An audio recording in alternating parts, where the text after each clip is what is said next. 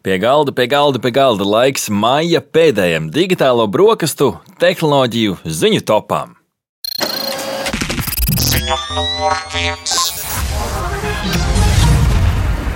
Tehnoloģiju uzņēmums Microsoft savā ikgadējā izstrādātāja konferencē Microsoft Build ir izziņojuši dažādus programmatūras jaunumus. Pirmkārt, protams, mākslīgais intelekts ir šeit, un par to mēs runāsim daudz un dikti šogad digitālajās brokastīs. Bing ir uzsācis savu integrāciju chat GPT platformā. Tātad, ko tas praktiski nozīmē?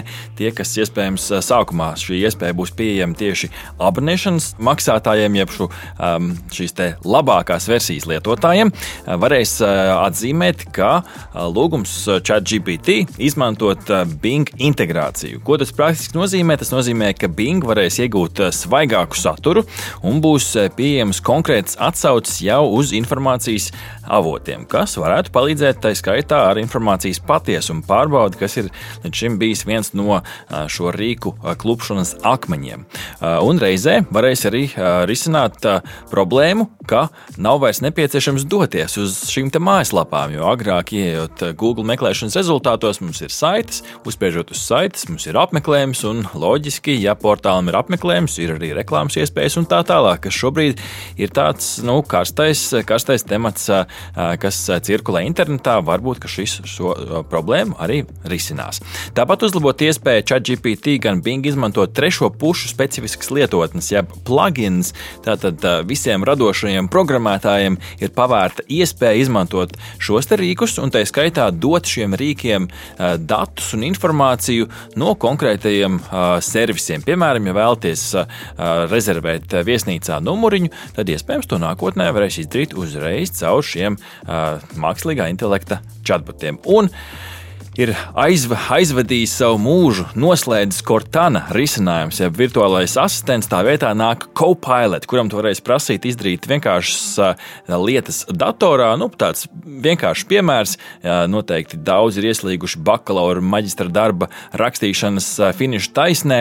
Varēs iespējams nākotnē paprasīt datoram, ko var darīt, lai palīdzētu koncentrēties. Un iespējams, ka dators piedāvās ieslēgt fokusu režīmu, uzslēgt tumšo foniņu un varbūt pat uzlikt kādu dziesmu sarakstu, lai varētu sasniegt savu mērķi. Ziņa numur divi. Brīdinājums par ūdens līmeņa celšanos katru pavasari saņem arī Latvijas iedzīvotāji, kas ir uh, būtiski mūsu ikdienas drošībai un mūsu mājokļu drošībai.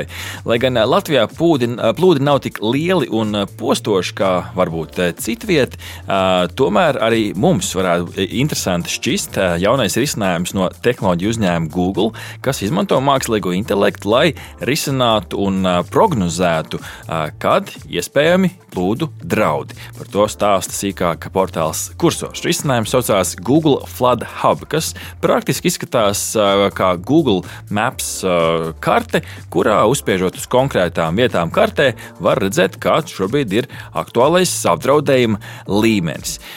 Šī, šis ir jaunums Latvijā, jo šis rīks iepriekš bija vairāk ASV pusē aktīvs. Šobrīd tas ir paplašināts uz plašāku skaitu ar valstīm un tā skaitā vietām. Nu, šeit Latvijā tas uh, Mērījuma rezultātu un brīdinājumu skaits nav diezgan liels. Šeit ir uh, Latvijā iekļautas uh, Venta, Daugova, Lielupe un Iecava. Varbūt, ka nākotnē parādīsies arī citas vietas, kas bieži mēdz aplūst.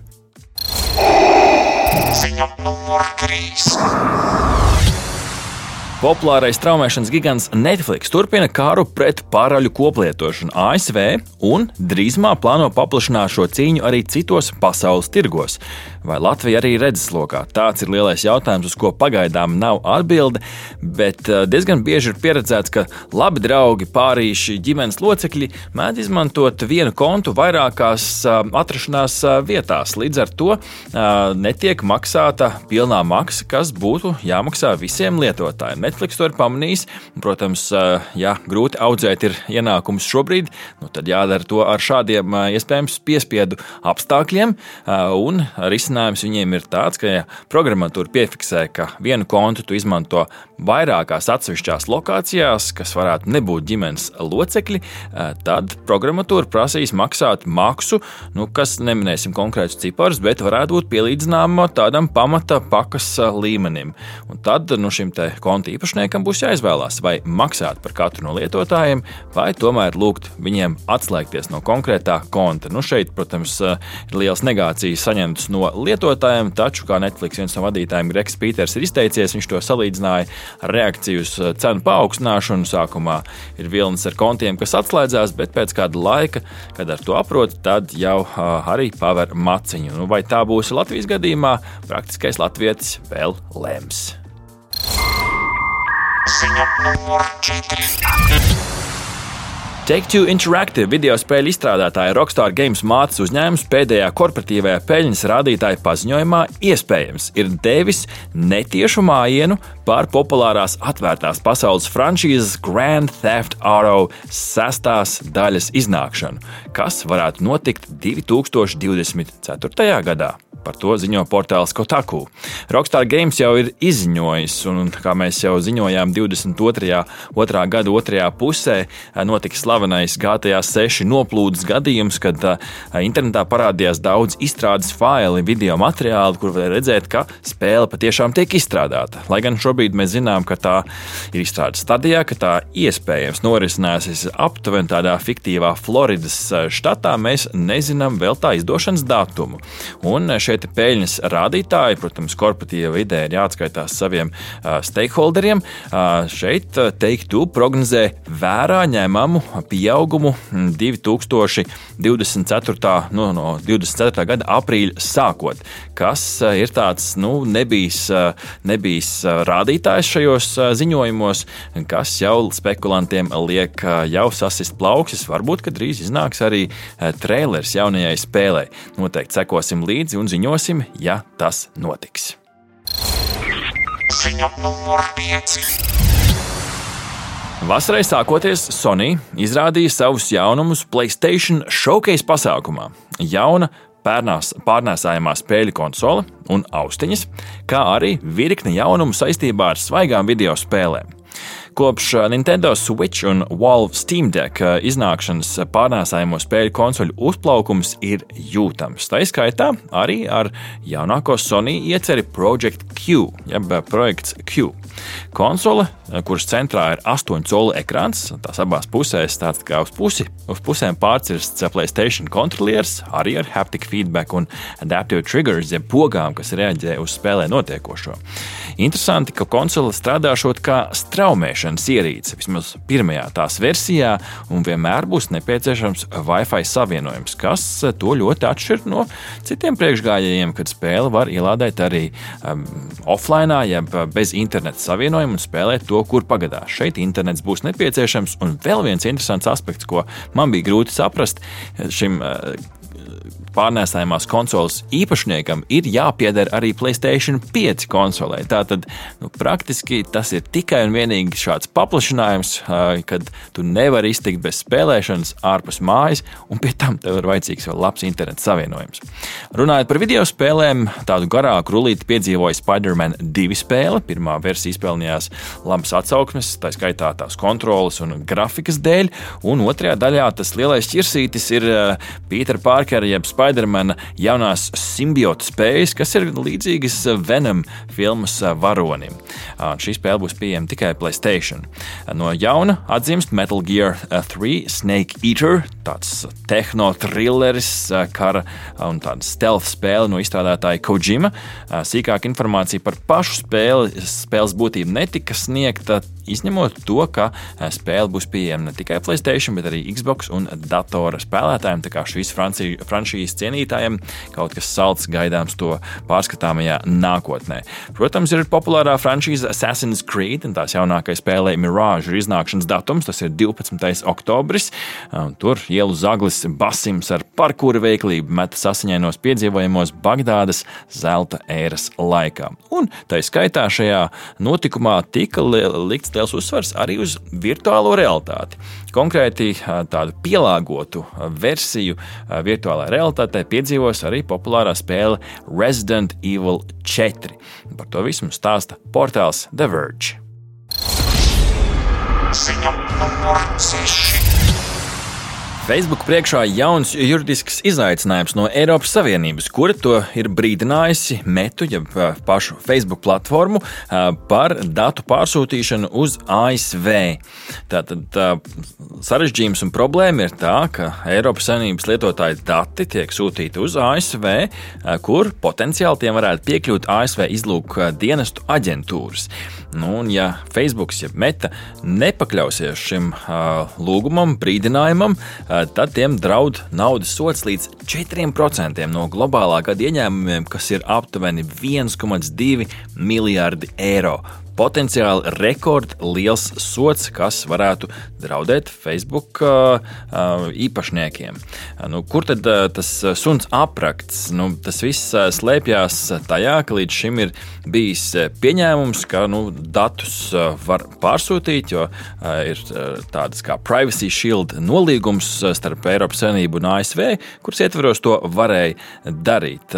Taču tiesa konstatēja, ka vienošanās nenodrošina atbilstošu Eiropas Savienības pilsoņu pamatiesību aizsardzību. Tātad nu, vecais labais GDPR šeit nāk, nāk talkā, un šeit, protams, īrijas datu aizsardzības komisija ir, ir tā, kura galvenokārt ar šo strādā, jo Facebook bāzējās arī īrijā, un ir, tā ir devusi provizorisku rīkojumu apturēt datu pārsūtīšanu. Facebook gan aizbildinās ar to, ka nu, šādas iespējas viņiem dažādas juridiskās klauzulas ir ļāvušas, un gan jau ka vēl daudz par šo dzirdēsim, taču potenciāli, kā stāsta stāst portāls TechCrunch, šeit priekšā tiešām varētu draudēt rekordliels sots.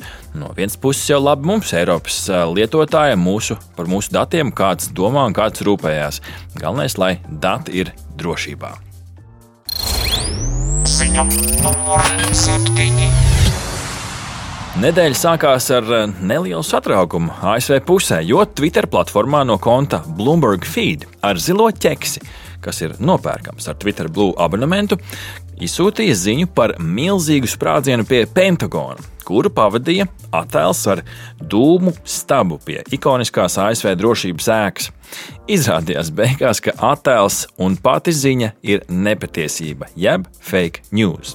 Kopš konkrētā notikuma konts ir izslēgts no platformas, taču viltu ziņu jau paspēja izmantot un dalīties tālāk liels cilvēku skaits, tā skaitā arī Krievijas ziņu platforma RT, un izmantojot konkrēto ekrānu šāviņu un ierakstu, ar to pat dalījās tālāk pat kāds Indijas televīzijas kanāls. Tātad gan apzināti iespējams, gan tā skaitā nezinot, ar šo ziņu dalījās tālāk liels cilvēku skaits, kā vēstīja TechCrunch portāls.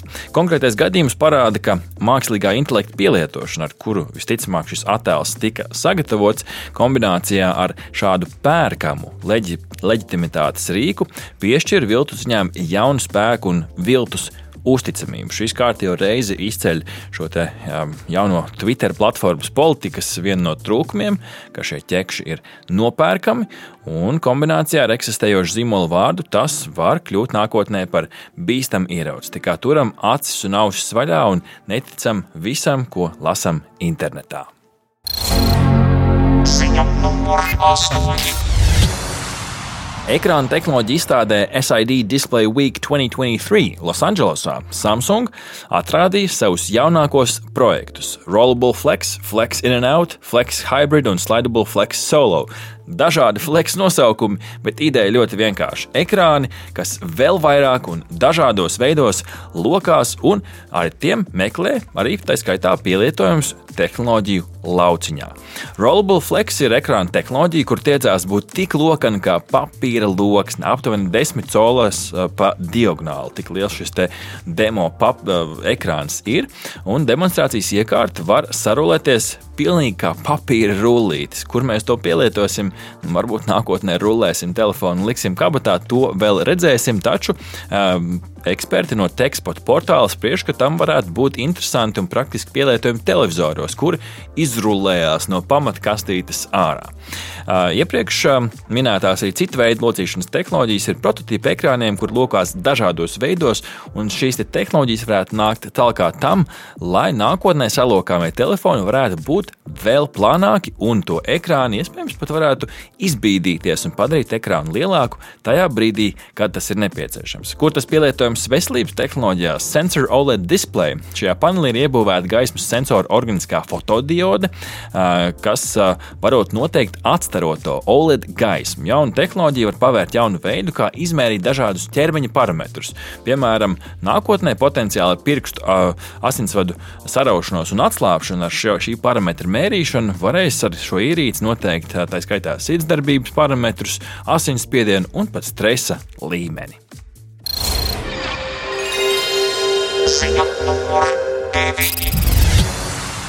Pirms kāda pusotra gada noritēja kaismīgas cīņas starp diviem kosmosa gigantiem, diviem uzņēmumiem, SpaceX un Blue Origin, par iespēju piedalīties ievērojamā, grandiozajā, vēsturiskajā NASA Artemis misiju šajā plējādē. Vairākas misijas un daudz vajadzības. Toreiz galveno cīņu uzvarēja SpaceX, taču Jeffa Bezosa Blue Origin ir tomēr labas iespējas sevi pierādīt, jo tā ir ieguvusi tiesības gribas uh, radīt mēnesi nolaišanās sistēmu Artemis 5 misijai, kura uh, vismaz šobrīd pēc plāniem startēs 2029. gadā. Plānots, ka kosmosa kuģis Orion, uh, kuru veiktspēja tika pierādīta pērnā gada nogalē Artemis 1 misijā, nogādās nākotnē uz mēnesi dienvidu polu zinātniekus, kuriem tur vajadzēs nosēsties, lai viņi varētu veikt zinātniskos eksperimentus. Nu, ar šo nosēšanās iekārtas palīdzību, kā jau tā skaitā esam redzējuši arī Holivudas filmās, kosmonauti nosēdīsies uz mēnesi virsmas un ļoti cerams arī nākotnē pacelsies no mēnesi virsmas, lai dotos atpakaļ uz kosmosa raķeti un atgrieztos atpakaļ drošībā mājās, šeit pat uz Zemes. Ziņa numur desmit. Un noslēdzot digitālā brokastu tehnoloģiju ziņu topu, tiešām kāds kurjos atgadījums no digitālās vides, jo ASV mārketinga aģentūra Ubiquitous ievietojas internetā kuriozu darba sludinājumu. TikTok skrolētājs, jeb TikTok skatītājs. Atalgojums 1000 ASV dolāri kāds āķis. TikToks ir jāskatās vairāk kā desmit stundas no vietas, lai aģentūrai palīdzētu noteikt aktuāla, aktuālās satura tendences. Kopumā aģentūra meklē trīs pilngadīgus cilvēkus, un šī nav pirmā reize, kad uzņēmums kaut ko tādu ir darījis. Pirmajā reizē gan atalgojums bija salīdzinoši neliels - 50 dolāru stundā. Nu šeit 1000 dolāri par vairāk kā 10 stundām. Nu, reizē gan ar pieteikšanos darbam ir jāveic vairākas aģentūras slavinošas darbības sociālajos tīklos, tā kā šo visu vajag uztvert ar tādu uh, drusku uh, sāls, uh, cik nopietni tas ir, bet, ja nu kādam nav ko darīt desmit stundas dienā un mīlat TikTok, aidā darbiņš kā uz paplātes. Klausītāji, ja jūs vēlaties izteikt savu viedokli, to varat darīt LSM.CLV Instagram kontā, kur nedēļas sākumā uzdodam dažādus jautājumus, gan saistībā ar aizvadītās nedēļas ziņu aktualitātēm, gan saistībā ar konkrētā raidījuma sarunas tematu. LSM.CLV Instagram konts. Aha! Paldies, ka noklausījāties mūsu līdz galam! Ja patika, uzspiediet like, atstājiet komentāru vai padalieties ar draugiem. Un nobaudiet arī citas epizodes, kā arī sekot mums, lai nepalaistu garām savu ikdienas tehnoloģiju ziņu devumu.